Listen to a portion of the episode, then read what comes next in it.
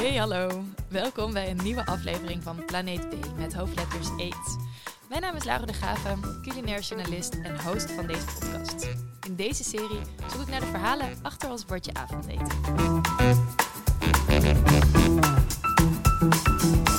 Het gerecht waar we vandaag naar gaan kijken is pastasaus en het subthema is duurzame verpakkingen.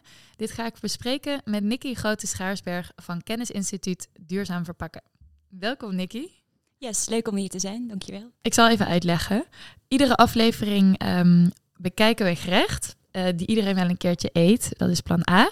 En samen met wetenschappers en experts zoals jij, uh, onderzoek ik hoe die eigenlijk met kleine veranderingen een stukje duurzamer kunnen maken. En aan het einde van de aflevering serveer ik dan plan B. En dat is een duurzamere variant. Um, nou, zoals je ziet, uh, had ik vandaag niet zoveel zin om te koken. ik um, heb uh, namelijk vier verpakkingen op tafel gezet van rode pasta saus. En voor de luisteraar die natuurlijk helemaal niet kan zien wat er hier op tafel staat. Ik heb een pasta saus in pot. Ik heb een uh, pasta saus in blik. Ik heb een pasta saus in stazak. En ik heb een pasta saus ja, in plastic uit de koeling, verse. Nikki, jij bent expert hierin. Um, ik vraag me eigenlijk wel af, wat is hier nou niet duurzaam als het gaat om verpakkingen? Nou, je stelt direct een hele grote vraag, want we zien vier verschillende soorten verpakkingen met eenzelfde soort product. En je kan eigenlijk op heel veel dingen letten als je bepaalt of iets duurzaam is of niet. Okay. Dus allereerst kunnen we kijken naar, zijn deze verpakkingen goed recyclebaar? Uh, nou, dan kunnen we direct concluderen dat de glazen pot die we hier hebben en het blik ook, die zijn heel goed recyclebaar. Op dit moment recyclen we meer dan 90% van deze materialen, dus dat is heel goed. Okay. Uh, de staalzak en ook het uh, plastic bakje met saus, die zijn iets ingewikkelder om te recyclen. Maar die hebben wel een veel lagere milieu-impact. Dus die scoren weer goed op uh, eigenlijk het effect wat het op de aarde heeft op de korte termijn. Maar op de lange termijn zijn dus de glazen pot en het blik, die kunnen we eigenlijk vaker opnieuw recyclen en opnieuw er een verpakking van maken. Oké. Okay. Um, en je zegt op de lange termijn zijn dus die plastic verpakkingen dus ja, minder goed. Wat is nou de meest duurzame verpakking? Heb jij zelf een idee als je me deze vraag stelt? Um, nou ja, ja ik, ja, ik zou dus zelf denken dat de meest duurzame verpakking dus dat pot en dan het blik is. Of misschien wel het blik of zo. Ja, dat denk ik, daar heb ik zo'n gevoel bij dat dat dus heel goed is of zo. Oké. Okay, en, uh... en, ja, en het minst duurzaam denk ik eigenlijk de, de, die verpakking voor de verse pasta saus. Want die is heel dik en ja, ik, ik denk dat dat niet vaak wordt gerecycled en in het milieu belandt. Oké, okay, dat laatste is denk ik uh, een andere discussie of iets in het milieu belandt. Maar laten we eerst naar het eerste stukje kijken. Dus welke zou het meest uh, duurzaam zijn? Het blik is inderdaad dus uh, goed recyclebaar, maar heeft wel heel veel impact als we dit produceren. Dat geldt ook voor het glas. Eigenlijk om dat materiaal te maken heb je heel veel energie nodig. dus onder de streep hebben die best wel veel impact. En de zak, de staalzak met saus, die verpakking is super licht. Dus eigenlijk als je gaat kijken naar ja, het totaalplaatje, dan zou die misschien wel het meest duurzaam zijn, omdat die zo weinig impact heeft. Wow. En, en, uiteindelijk is daar natuurlijk wel op de recyclebaarheid wat te verbeteren. Dat is een uitdaging voor de bedrijven, maar ook voor de sorteerders en recyclers. Uh, maar ik zou dus eigenlijk nu bedenken dat die misschien wel de minste impact heeft. Oké, okay. en, en de meeste impact? Ik denk op dit moment dat die glazen pot dat gaat zijn, gevolgd door uh, het blik. En om wow. dit helemaal te bepalen moet je eigenlijk echt een analyse doen. Dus dat een soort heel groot rekenmodel waarbij je helemaal gaat invullen waar komt het materiaal vandaan, hoe wordt het geproduceerd, et cetera. Dus uh, nou, het gevoel zegt vaak iets anders dan wat uiteindelijk de rekenmodellen zeggen. Ja. Maar dit zijn een beetje de vuistregels. Oké, okay. maar we hebben op langere termijn hebben we wel het probleem van het plastic wat in het milieu terechtkomt. Va veel. Ik ga namelijk eventjes gelijk de cijfers op tafel gooien. Um, we gebruiken in Nederland jaarlijks 26 miljard stuks plastic verpakkingen. En per Nederlander komt dat neer op meer dan 1500 stuks plastic. En dat is omgerekend vier per dag. En um, bijna twee derde van het plastic uit de supermarkt is beperkt of niet recyclebaar. En um, het probleem wordt eigenlijk alleen maar groter, want ja, we komen eigenlijk met steeds meer mensen op deze aardbol. En de groei van de bevolking zorgt eigenlijk elk jaar voor een toename van circa 100 miljoen stuks verpakking. En er wordt ook steeds meer in plastic verpakt. Hè? Want vroeger had je nog gewoon dat je een, eh, een broccoli kocht in de supermarkt. Ehm, en nu heb je die broccoli al eh, in stukjes gesneden. Uh, sla is in stukjes gesneden. Er zijn heel veel kant-en-klaar maaltijden bijgekomen. Um, dus er zijn steeds meer plastic verpakkingen. Nikki, herken jij dit? Wat ik nu allemaal op tafel gooi? Dat laatste wat je noemde over inderdaad gemak. Hoe meer gemak we in de supermarkt kopen, vaak hoe meer het verpakt is en hoe meer het al bewerkt is. Dat is inderdaad wel een van de dingen die we zien. Er is ook wel een tegenreactie dat je juist, supermarkten zijn best wel hard bezig in waar kunnen we nou verpakkingen verminderen. En dat doen ze ook echt als het mogelijk is. Dus bijvoorbeeld vroeger had je uh, tomaten en druiven zaten in een soort tray met een deksel erop. Nou, die deksels zijn eigenlijk overal verwijderd waar het kan. Dus daar zit nu alleen nog maar een seal. Dus eigenlijk een dun laagje folie over de verpakking. Dus ze, ze verminderen waar ze kunnen. Uh, maar eigenlijk is nog steeds het allerbelangrijkste dat zo'n product goed beschermd blijft. Ja. En dat je het in ieder geval, dat het niet bederft in de supermarkt. Dat je het mee naar huis kan nemen en kan eten. Want uiteindelijk, als we het nog even over impact hebben, 90% van de milieu-impact zit in het product, dus in het voedsel. En maar 10% is maximaal uh, wat aan de verpakking toe te rekenen valt. Dus het allerbelangrijkste is, blijft het product goed beschermd. Ja, ja, ja. Dus het is, uh, ik, hoor het al, het, uh, het is een, vrij lastig en ingewikkeld probleem. En ook tweeledig. Hè? Kan je daar nog iets meer over vertellen? Ja. ja, want eigenlijk wat ik nu net al een beetje schets, is dat er een soort dilemma is tussen voedselverspilling verminderen, maar ook verpakkingen verduurzamen. Uh, je ziet dus heel vaak bijvoorbeeld bij die uh, sauszak, dat is een soort multilayer. Dat betekent dat er meerdere laagjes materiaal op elkaar zijn geplakt, zodat het goed uh, beschermd blijft, dus een hoge barrière heeft, maar ook dat we het kunnen sealen, dus zeg maar dat het aan de alle randjes dichtgelijmd zit. Um, en dat zorgt er dus voor dat die saus heel lang houdbaar is, maar het is heel moeilijk te recyclen. En als je dus gaat denken, oké, ik wil graag een simpeler materiaal kiezen, dan heb je dus eigenlijk direct minder bescherming en is dat product minder lang houdbaar. Dus daar zie je eigenlijk altijd dat het een soort waterbed is. Als je het ene iets beter maakt, is het andere eigenlijk alweer minder goed. Shit, oké. Ehm, en is er, want ik heb hier nu natuurlijk vier verschillende soorten verpakkingen op tafel staan. Is er nog een, nog een meer duurzame verpakking? Nou, ik hoop misschien dat jij aan het eind van de aflevering komt met een goed idee. Ja. Uh, en het ligt heel erg aan het scenario. Want in dit geval uh, gaat het ook heel erg over wat ga je ermee doen. Dus in dit geval ga je pasta maken. Voor hoeveel mensen? Ga je alles opeten wat je kookt? Ga je niet na twee dagen alsnog een beetje restje uh, weggooien? Uh, dus ik zou altijd heel erg kijken naar de fit for purpose. Dus wat ga ik koken? Hoeveel mensen gaan het eten? Hoe lang moet iets houdbaar zijn? Want dat kleine bakje saus, dat is verse saus. Dus als je die nu koopt, dan moet je hem binnen twee weken waarschijnlijk opgemaakt hebben. Terwijl dat blik, nou die kan je over een jaar nog uit je keukenkastje halen en nog steeds die saus maken. Ja, inderdaad. Oké. Okay. Ehm, Nicky, jij werkt bij het Kennisinstituut uh, Duurzaam Verpakken, het KIDV. Wat houdt jouw werk precies in? Uh, yes, nou misschien moet ik dan heel kort uitleggen wat het KIDV doet. Uh, we zijn er eigenlijk voor en door het bedrijfsleven. Dus uh, als je als bedrijf verpakking op de markt zet, dan betaal je een soort afvalbeheersbijdrage.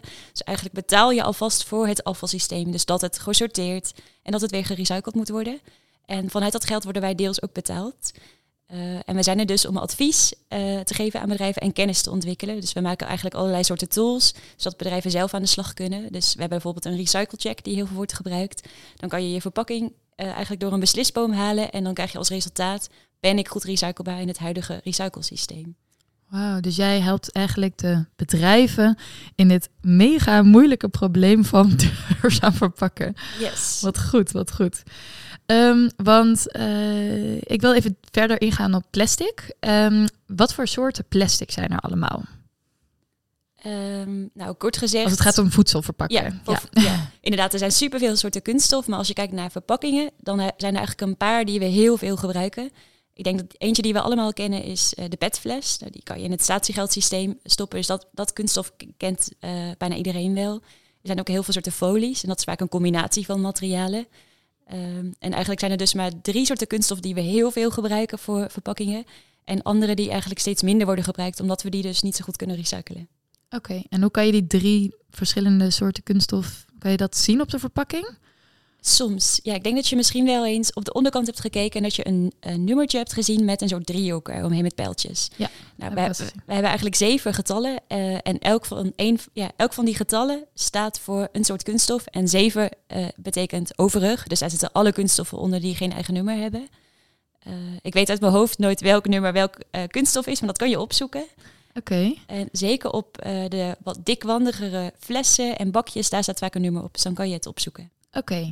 En zijn er dan ehm, eh, nummers die je echt beter kan vermijden? Als consument Ja? bedoel je? Ja.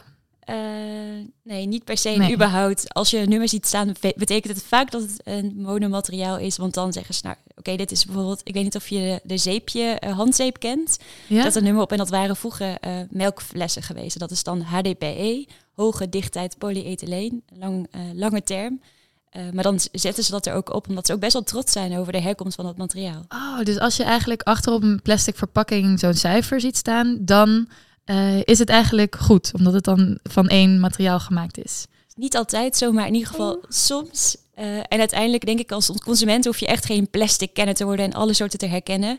Nee. Het belangrijkste is, gooi het in de goede afvalbak weg. En uiteindelijk is het dan aan eh, de sorteerinstallatie. Die hebben hele eh, ja, avanceerde eh, machines om eigenlijk te herkennen wat voor soort kunststof is dit. En dan schieten ze het in een goede baan. Oké, oké. Nou, dat geeft me wel best wel een opluchting. dat houdt in dat ik me er zelf iets minder mee bezig hoeft, mee hoef te houden. En de luisteraar dus eigenlijk ook. Kan jij vertellen wat voor trends er allemaal zijn in het verduurzamen van verpakkingen? Zeker. Eh, ik denk allereerst, recyclebaarheid hebben we nu al eh, een paar keer benoemd. Dat is wel het, het allergrootste onderwerp waar bedrijven nu mee bezig zijn. Dus we hebben bijvoorbeeld de recyclechecks. Nou, dan zie je dat bedrijven onze recyclecheck downloaden en hun eh, verpakkingsportfolio eigenlijk doorlichten en kijken waar kunnen we nou verbeteren en verduurzamen. En op de korte termijn is recycling gewoon heel belangrijk om te verduurzamen. Op de lange termijn zien we eigenlijk ook wel dat als we alleen onze recyclebaarheid verbeteren, dan komen we er niet. We kunnen niet een soort circulaire economie krijgen met alleen maar recycling. Dus je ziet dat er ook steeds meer aandacht komt voor herbruikbare verpakkingen. Eh, dan heb je niet direct dat recycleprobleem, maar dan heb je weer andere vraagstukken. Dus waar ga ik het wassen en ik moet het inzamelen. Dus dan heb je meer logistieke vraagstukken.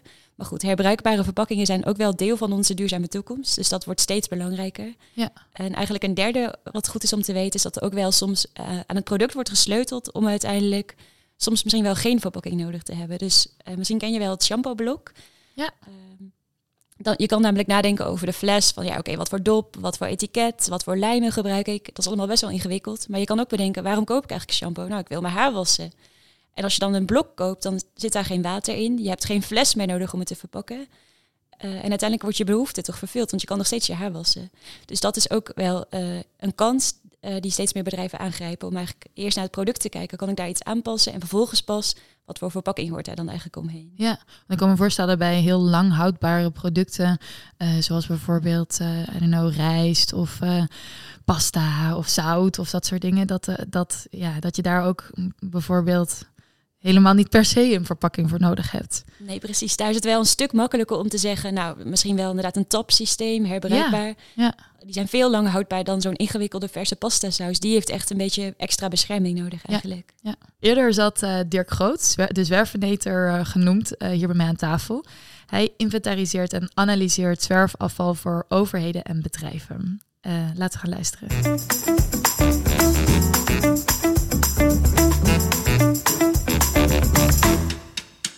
Dirk, welkom. Dank je. Ik ben heel erg benieuwd. Hoe ben jij ooit begonnen met zwerfafval? Rapen. Maken deed ik daarvoor. Nee. Eh, nou, ik ben ooit begonnen met zwerfafvalrapen door een lang verhaal. En toen was ik twee jaar aan het zwerfafvalrapen. Maar toen dacht ik, ja, hartstikke tof. Maar ik loop steeds dezelfde troep in dezelfde omgeving op te ruimen. En ik zie rapporten van de overheid en van bedrijven die niet datgene vertellen wat ik zie. Dus ik ben een manier gaan zoeken om dat zwerfafval echt goed in beeld te brengen. Dat er veel meer is dan we denken. En dat er heel andere soorten zijn van zwerfafval dan de industrie graag vertelt. Want die had het voornamelijk over eh bananenschillen en kauwgom en dat soort dingen. Terwijl de problemen heel anders waren in mijn ogen. Maar dat was het belang van de verpakkingsindustrie om dat anders te verte- vertellen. Dus eh, ik ben uiteindelijk, ik kom uit de IT, ik ben een dataman. Ik ben data gaan verzamelen van zwerfafval. En dat ben ik gaan doen door elk stuk zwerfafval dat ik opraapte te gaan fotograferen met mijn telefoon. En dan heb je meteen de locatie en het tijdstip. En dan voeg ik thuis voeg ik data eraan toe van wat is het, waar is het van gemaakt, welk merk, et cetera. En op die manier ben ik heel veel te weten gekomen over zwerfafval. En met die data hebben we ook al dingen kunnen verbeteren en veranderen. En, en, en wat heeft het je tot nu toe opgeleverd? Ehm, nou, een paar belangrijke dingen. De eerste is statiegeld. Eh, ik doe al vijf jaar lang eh, onderzoek naar drankverpakkingen in het hele land ook. En daarbij uh, hebben we kunnen aantonen dat het aantal plastic flesjes maar niet afnam. Terwijl het bedrijfsleven van de staatssecretaris, mevrouw van Veldhoven, de opdracht had gekregen om het met 70% te verminderen. En anders zou er staatsgeld komen. Nou, mijn data is meegenomen in de rapportages van Rijkswaterstaat. En daarin was dus te zien, nou, het neemt niet af. Dus daarom is er statiegeld gekomen. En hetzelfde is gebeurd met blikjes. En er zijn een aantal verpakkingen veranderd. Uh, de bekendste is de Antivloewikkel. Dat is een uh, plastic snoepwikkel. Die vond ik overal. Dat, wordt, dat snoepje is ouder dan plastic. Ja. Het wordt door alle generaties gegeten. En je verliest het ook makkelijk. Want als ik ze in mijn zak had gedaan en ze op had geruimd... dan kwam ik in mijn tuin, haalde ik mijn sleutel uit mijn tas... en dan lagen die weer in, op de grond. Er zijn heel veel redenen waardoor afval op de grond komt. Maar fijn, ik heb uh, allerlei andere zwerfafvalrapers opgeroepen. Die ken ik via social media. Social media heeft hele mooie kanten. Ja. Uh, we gaan zo met z'n allen op de foto zetten. Dus na een jaartje hadden we er 16.000 foto's. Allemaal op een kaart gezet en zakken vol. En ik ben samen met Marijn Tinga, de plastic soepserver, naar de fabrikant gegaan. En gevraagd aan de CEO van ja, waarom maak je ze niet weer van papier? Ja. En hij erkende het probleem. Hij zag het zelf ook. En hij zei, ik ga het gewoon doen. En nou ja, anderhalf jaar later, want het is best een lang proces om je fabriek helemaal om te zetten naar papier, ja. Uh, lagen in de winkel. Dus nu vind ik uh, nog steeds Antaflu uh, wikkels op straat, maar ze zijn van papier. En soms kan ik ze niet eens meer opruimen omdat ze al vergaan zijn. Wow, en het voordeel daarvan is, inmiddels weten heel veel mensen wel dat plastic heel schadelijk is voor de natuur. Nou, papier niet. En je wil geen troep op straat, dat wil je er eerst vanaf. Maar dat gaat nou eenmaal gebeuren. Dat is ook al veel ouder dan de, nou ja, het is net zo oud als de beschaving. En dan denk ik, ja, we moeten het zwerfafval terugdringen en het minder schadelijk maken. En minder schadelijk maken kun je doen door uh, bijvoorbeeld van papier te maken waar mogelijk. Of helemaal weg te halen. Dan heb je helemaal niks meer weg te gooien. Dus die twee factoren van uh, het aan de achterkant aanpakken met beter opruimen... dat is verminderen ook. En natuurlijk ook mensen opvoeden. Ik geef ook gastlessen en lezingen zo. En de rest dan onschadelijk maken. Dan verkleinen we de impact van ons eh, eigen gedrag eigenlijk. Ja, want wat, wat, is daar, wat is het effect zeg maar, van al dat zwerfafval in de natuur? Is dat slecht voor ons? Is dat slecht voor dieren? Wat, wat gebeurt Ja, allebei. Uh, wat er gebeurt is dat afval dat komt op straat, het kan de natuur in waaien, het water in. Als het dan niet rechtstreeks het water in gaat. Hè. En dat stroomt dan uiteindelijk gewoon overal naartoe. En de bekende beelden zijn die hele grote opeenhopingen van plastic in de oceanen. Dat noemen ze plastic soep. Maar dat gebeurt hier ook gewoon in de grachten van Amsterdam. Ga maar kijken. Uh, in de slootjes bij mij in de polder. En het is dan al in de natuur. De natuur is heel circulair. En wat je ziet is dat dieren raken erin verstrikt bijvoorbeeld. Dat is al direct gevolg van ons plastic. Dat plastic breekt namelijk niet af. Hè? Papier dat is op een gegeven moment weg in het water. Ja. En je ziet dat bepaalde diersoorten door de manier waarop ze eten dat gewoon opeten en binnenkrijgen. Want heel veel dieren slikken alles in één keer door. Wij kunnen dat niet eens. Dat al. Dus er raken dieren gewoon vol met plastic. Die kunnen, als het maag vol met plastic zit, als ze het niet uit kunnen poepen, dan sterven ze gewoon. Ze versterven gewoon van honger. En uiteindelijk, dat plastic, dat, dat vergaat niet. Door allerlei slijtageprocessen brokkelt het wel af in kleine stukjes. En het wordt zo klein dat je niet eens meer kan zien. En alle dieren krijgen uiteindelijk plastic binnen. En het komt in de voedselketen. En het komt dus ook bij ons terecht. En het gebeurt ook op het land. Het voorstel van dat er een bij met microplastic aan zijn haartjes van bloem naar bloem gaat. En zo die planten ook besmet met het plastic. Maar ook het afschuren van verf, verf met plastic. Autobanden wat we afslijten. Uh, vezels van je kleding van plastic.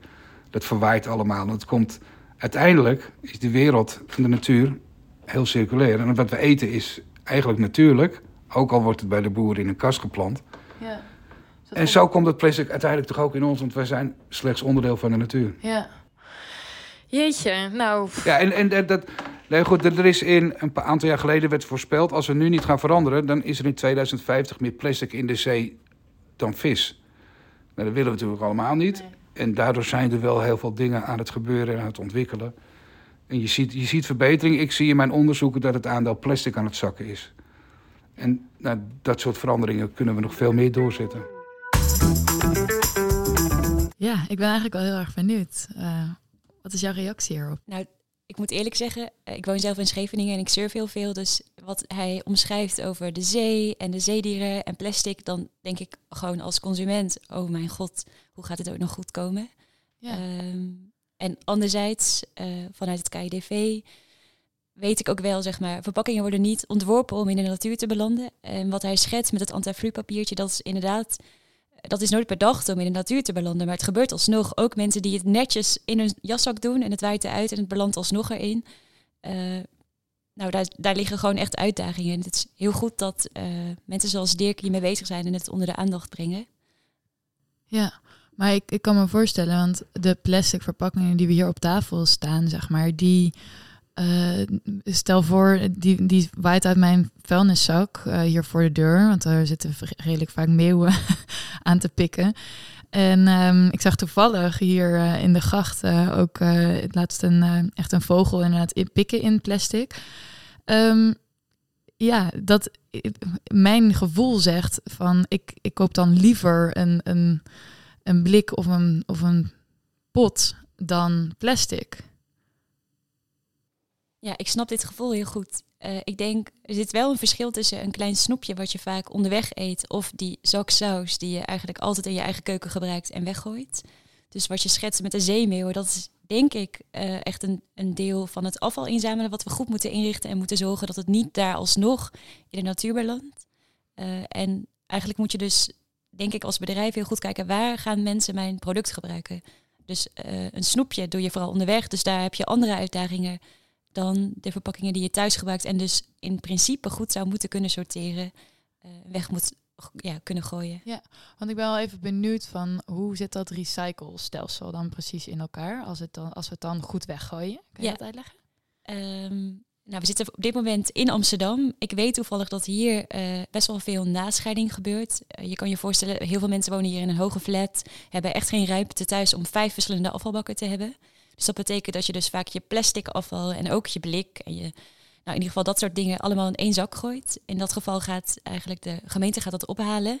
En dan gaat het naar een soort nascheidingsfabriek. En dan gaan ze daar op dat moment alle materialen uit elkaar halen. Het andere scenario, wat in andere steden zo is, in kleinere uh, dorpen, is eigenlijk dat mensen het thuis al scheiden. Dus dan heb je vaak heb je natuurlijk je glas, je papier, dat is bijna overal uh, apart gescheiden. Dan heb je soms je PMD of je plastic, metaal, drankkarton apart. En dan heb je nog bijvoorbeeld GFT. En eigenlijk al die losse stromen, die worden allemaal ingezameld en naar een sorteerfabriek gebracht. En die gaat uiteindelijk proberen om elke verpakking of elk stukje afval te herkennen van wat is dit. Uh, dus de verschillende soorten kunststoffen, die kunnen ze herkennen met een soort, ja, we noemen dat neer, neer infrared.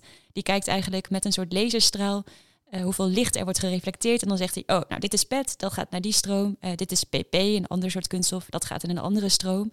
En zo proberen we eigenlijk zo uh, alle waardevolle stromen er weer uit te halen. En vervolgens wordt dat in speciale balen geperst en naar een recycler gebracht. Die gaat kijken, nou wat kan ik hier nog mee? Dus dan vaak wordt het in kleine stukjes gehakt, gewassen. En eigenlijk heel veel ja, verwerkingsstappen om weer tot een nieuw materiaal te komen. Dan gaat het weer terug naar een, een producent die er bijvoorbeeld een nieuwe shampoofles van probeert te maken. Ja, oké. Okay. Um, maar in het begin van deze aflevering heb ik natuurlijk gezegd uh, dat bijna twee derde van het plastic uit de supermarkt beperkt of niet recyclebaar is. Wat gebeurt er met dat plastic dan, wat niet recyclebaar is? Ja, in dit geval beperkt recyclebaar betekent niet dat we het niet recyclen, maar wel dat we er niet nog een keer eenzelfde soort fles of bakje van kunnen maken. En wat kunnen we dan nog wel mee? Nou, een veel gebruikt voorbeeld is eigenlijk het bermpaaltje. Dat, dan, eigenlijk gaat het dan over okay. hele dikwandige kunststoffen die we samen kunnen persen en kunnen smelten. Dus ook wel van die pakbankjes die je buiten ziet staan. Dus het laagwaardige kunststof is heel veel ja, niet meer voedseltoepassing sowieso. En ook niet meer echt verpakkingstoepassing. Oké, okay. dat is uh, nou, in ieder geval tof om te horen dat daar wel mee gedaan wordt. Um, nou, samen met de zwerveneter heb ik ook de inhoud van mijn eigen vuilniszak bekeken. En zijn we zwerfafval gaan rapen op straat. Dus uh, ja, laten we verder luisteren.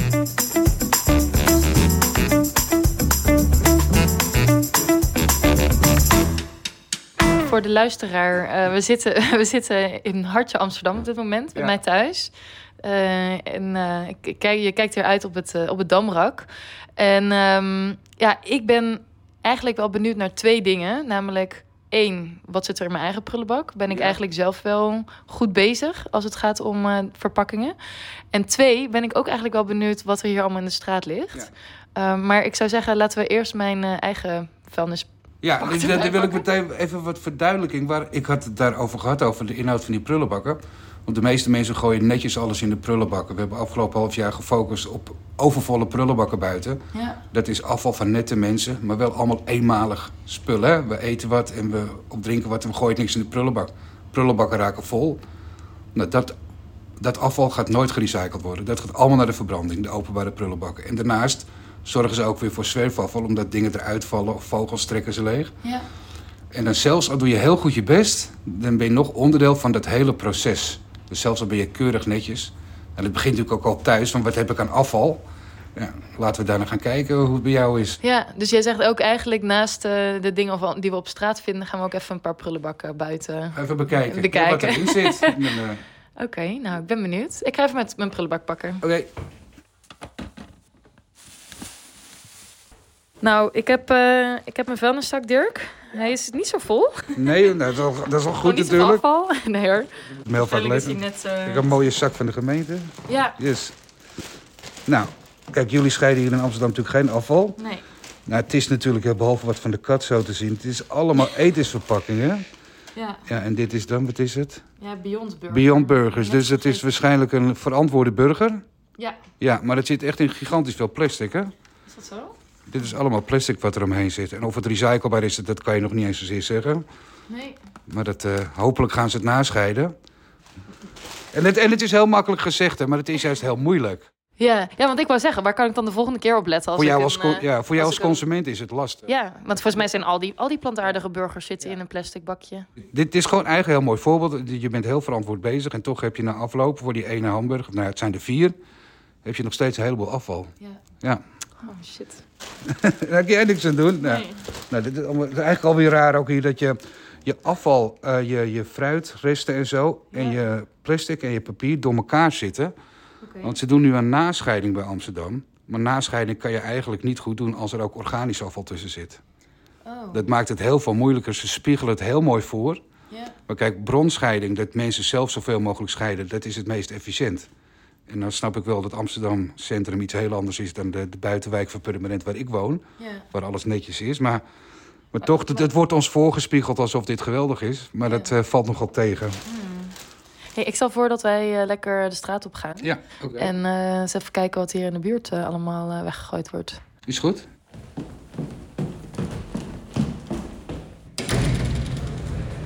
Dirk, eh, we zijn net bij mij eh, de deur uitgestapt op de Warmoestraat in eh, Hartje Amsterdam. Maar je hebt iets in je handen. Wat, wat, wat is dit? Ja, dit is een mand waarin ik mijn afval verzamel en een grijper waarmee ik afval op kan ruimen. Oké. niet zo te bukken. Nou, laten we, laten we gaan lopen. Het is druk. oh, nou, dan hebben we jouw jouw welbekende Antaflu. is dit een goeie? Is dit een papier? Nou, voel. Hoe durf je dat? Volgens mij wel. Of niet? Ja. Het snoepje zit er nog in, joh. Ja, dit is papier. Ja, nee, klopt. Wauw, Ja. dit is door jou? Ja, Hebben is- we hier gewoon een Antaflu die door jou... ja, het is nog steeds troep en het, ik ruim het nog steeds op. Maar ik weet wel, als ik het mis, dan eh, is het niet zo erg. Maar het is minder erg omdat het papier is. Ja. Wat goed. En het mooiste is natuurlijk dat snoepjes zonder verpakking. Want dan zit er snoep in je in de wikkel. Dat, Ja. eh, wel goed. Oh, plastic bekertje. Plastic beker.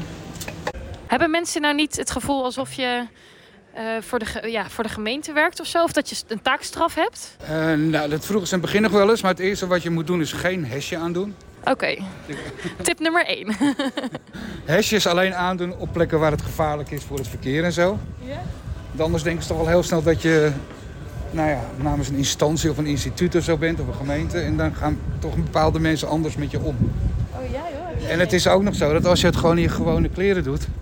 Dan denk je, hé, hey, er is een gewoon iemand die dat doet. Ja, ja. Oh, we hebben hier gewoon een half vol pak ijsthee. Ja, een grote. Eerste de beste.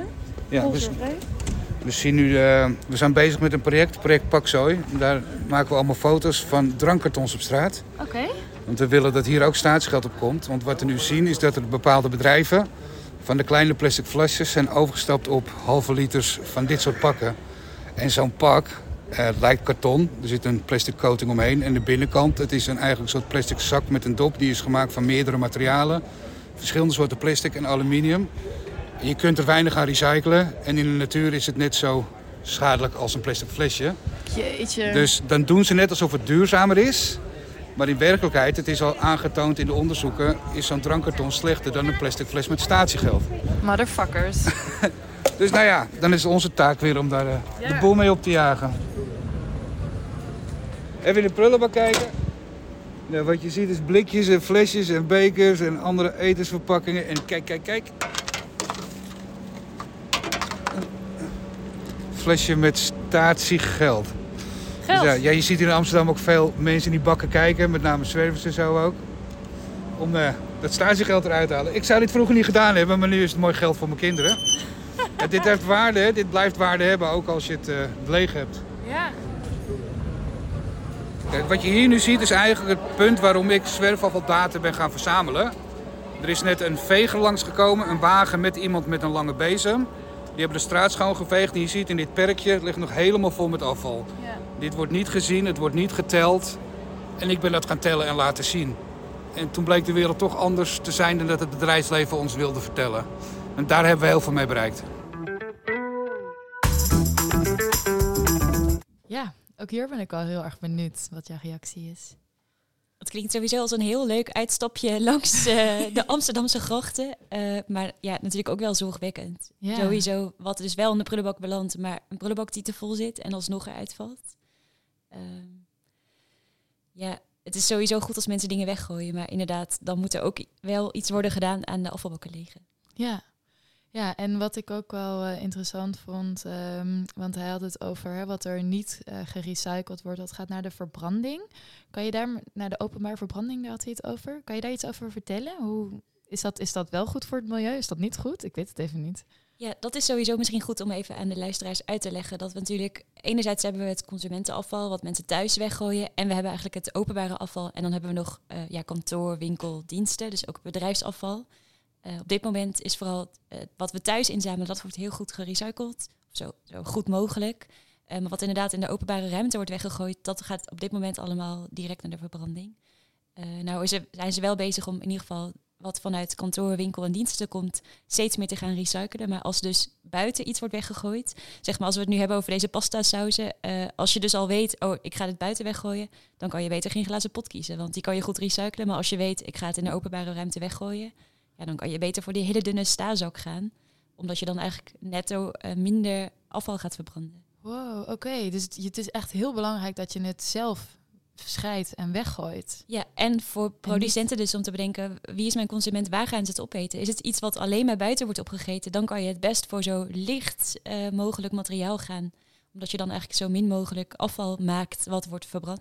Ja, wauw. Ja, het is denk ik duidelijk dat bedrijven en overheden kritisch moeten gaan kijken naar eh, duurzame verpakkingen. En eh, ik vind het echt super tof dat jij hun daarmee helpt. Ehm, dan eh, ja, ga ik even naar de oplossing. Wat kunnen we thuis zelf nog doen? Want eigenlijk heb ik al eerder aangegeven van, hè, nou ja, zo heel veel kunnen we niet doen. Maar ik neem aan dat er vast tips zijn voor de luisteraar. Ja, zeker zijn er tips. Eh, allereerst, als je dan thuis je pastaatje aan het maken bent bijvoorbeeld, eh, en, je, en je, hebt, je woont in een gemeente waar ze eh, plastic apart scheiden, zorg dan dat je niet alle verpakkingen in elkaar propt. Want je kan namelijk heel goed naar dat, je zak, waar je misschien je pasta in zat, in je blik proppen als die leeg is en alle andere stukjes plastic die je hebt er ook in stoppen. Maar als je dat eigenlijk op die manier weggooit en het komt in die sorteerfabriek, dan is de kans best wel groot dat ze het niet meer uit elkaar kunnen halen direct. Dus dan ziet die machine, oh, dat komt een blikje voorbij. En dat zakje wat je erin hebt gepropt, ja, dat wordt er dan op dat moment niet herkend. Dus eigenlijk is het allerbeste als je je plastic afval scheidt om niet alles in de keuken in elkaar te proppen, maar gewoon los in die zak te gooien. Super goede tip. Dan is het in ieder geval een grotere kans dat ze het kunnen recyclen. Ehm, en wat die ook, tenminste wat we al eerder hebben gehoord, is ook eh, GFT. Als je dat in je bak gooit waar ook je plastic in zit, dan wordt het plastic, plastic best wel vies. Dus als je een kans hebt in je gemeente om GFT in te zamelen, doe het. Want dan betekent het eigenlijk gewoon dat de kans weer groter is dat je andere materialen gerecycled kunnen worden. Wauw, nou wat een super goede tip, dankjewel. Uh, zijn er verder nog dingen waar mensen rekening mee kunnen houden bij het kopen van producten? Ik denk het allerbelangrijkste is natuurlijk dat je al ja, dat je je keuze maakt over wat ga ik eten en hoeveel heb ik nodig. Dus het is super aanlokkelijk om die bonusaanbiedingen, als er iets in de aanbieding is, heel veel van te kopen. Maar als je niet gaat opeten, kan je dat beter niet. Want uiteindelijk als je het moet weggooien, is het eigenlijk heel erg zonde. En als je dan hebt gekocht wat je gaat opeten, dan is eigenlijk natuurlijk je enige stap nog na het eten, gooi je het op de goede plek weg. Perfect. Nou, dankjewel. Uh, ben ik nog wel even benieuwd, wat gaat de toekomst zijn van verpakkingen? Gaan daar nog dingen in veranderen? Wetten of uh, andere dingen? Uh, nou, wat we net hoorden in het fragment met Dirk is eigenlijk uh, dat er statiegeld zit op flesjes. Nou, we wisten al dat het op grote flessen zat, maar tegenwoordig zit dat ook op kleine flesjes. Dus als je een statiegeldflesje halve liter hebt, ja, die moet je tegenwoordig ook terugbrengen naar de supermarkt. En ze komen dus nog steeds wel voor in de prullenbakken buiten en in het milieu, maar steeds minder door dat statiegeld. En dat zit er nu ook aan te komen voor blik. Vanaf 2023 zit ook statiegeld daarop. Dus ik hoop eigenlijk ook, of eigenlijk hopen we dat allemaal, dat die dan ook minder in het milieu komen en uh, meer ingeleverd zullen worden. Ja, en denk je dat er uh, ook nog weer in de toekomst andere producten gaan of andere verpakkingen gaan komen waarop statiegeld gegeven gaat worden? Naast dus hè, gewoon grote statiegeldflessen, kleine statiegeldflessen en blik. Oeh, dat is een goede vraag. Ik denk dat bij statiegeld PET is het vooral omdat we dat materiaal heel goed kunnen recyclen. En nou, het, het, is ook een voordeel dat het dan niet in het milieu belandt. Maar ik kan me wel voorstellen dat uiteindelijk, uh, nou, bijvoorbeeld de drankkartons, daar is best wel veel discussie over. Ja. Uh, uiteindelijk is het best een goed middel om te zorgen dat mensen het op de goede plek weggooien of inzamelen. Dus wie weet. Ja, ja want geld voor de gemiddelde mens, ook voor mij natuurlijk. Dan ga je wel eventjes teruglopen naar de supermarkt. Ja, het is opeens een soort extra prikkel. Inderdaad. Ja. Je denkt, wacht, mijn afval is geld waard. Dan ga ik het niet zomaar in de ja. gooien. Dan gaan we nu naar het gerecht op tafel, plan B. Voor de mensen thuis, ik heb ondertussen een uh, pasta saus op tafel gezet zonder verpakkingen. Um, met pasta, ook zonder verpakkingen. En ik heb alles gekocht uh, via Pieter Pot. Ken je dat? Ja, volgens mij wel, maar misschien is het wel goed om nog even uit te leggen. Wat dat is? Ja. Pieter Pot is, uh, voor de mensen die dat niet kennen, dat is een uh, verpakkingsvrije supermarkt. En dan kan je online kan je producten kopen. En um, daar krijg je eigenlijk een, ja, een pot, uh, ja, letterlijk een pot, een glazen pot. En daar betaal je geld voor, statiegeld.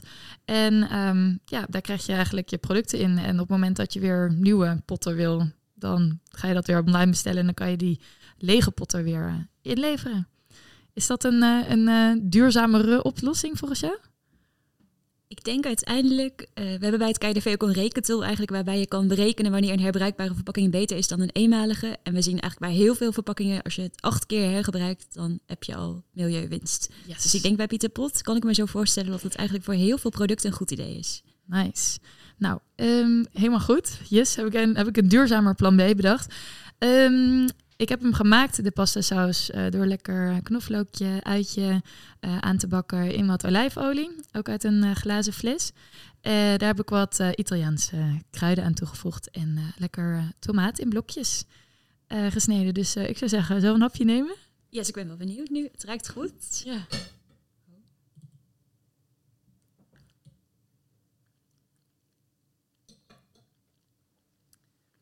Het smaakt in ieder geval heel vers. Het is vers, ja. Mag ik vragen, waar zaten die knoflook en die ui in? Waren die verpakt of zaten die gewoon los erbij in? Ja, die heb ik gewoon los bij hun besteld. Ja, je kan daar ook gewoon, uh, en de tomaten ook, zonder, uh, zonder zakje of, uh, of iets bij hun kopen. Dus ja, nou, ik vond het hartstikke lekker.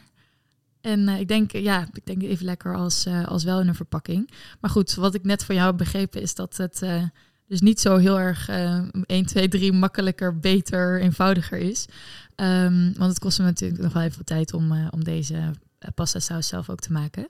Um, maar goed, ik ben wel heel trots op uh, dat ik geen verpakking heb gebruikt. Hoef ik ook niks na te scheiden, dat scheelt weer. Um, ja, dankjewel voor al je kennis. En ik heb er heel veel van geleerd. Uh, voor de luisteraar, uh, blijf vooral luisteren, want in de volgende aflevering ga ik in op het thema water- en landverbruik. En gaan we bekijken hoe we een hamburger een beetje duurzamer kunnen maken.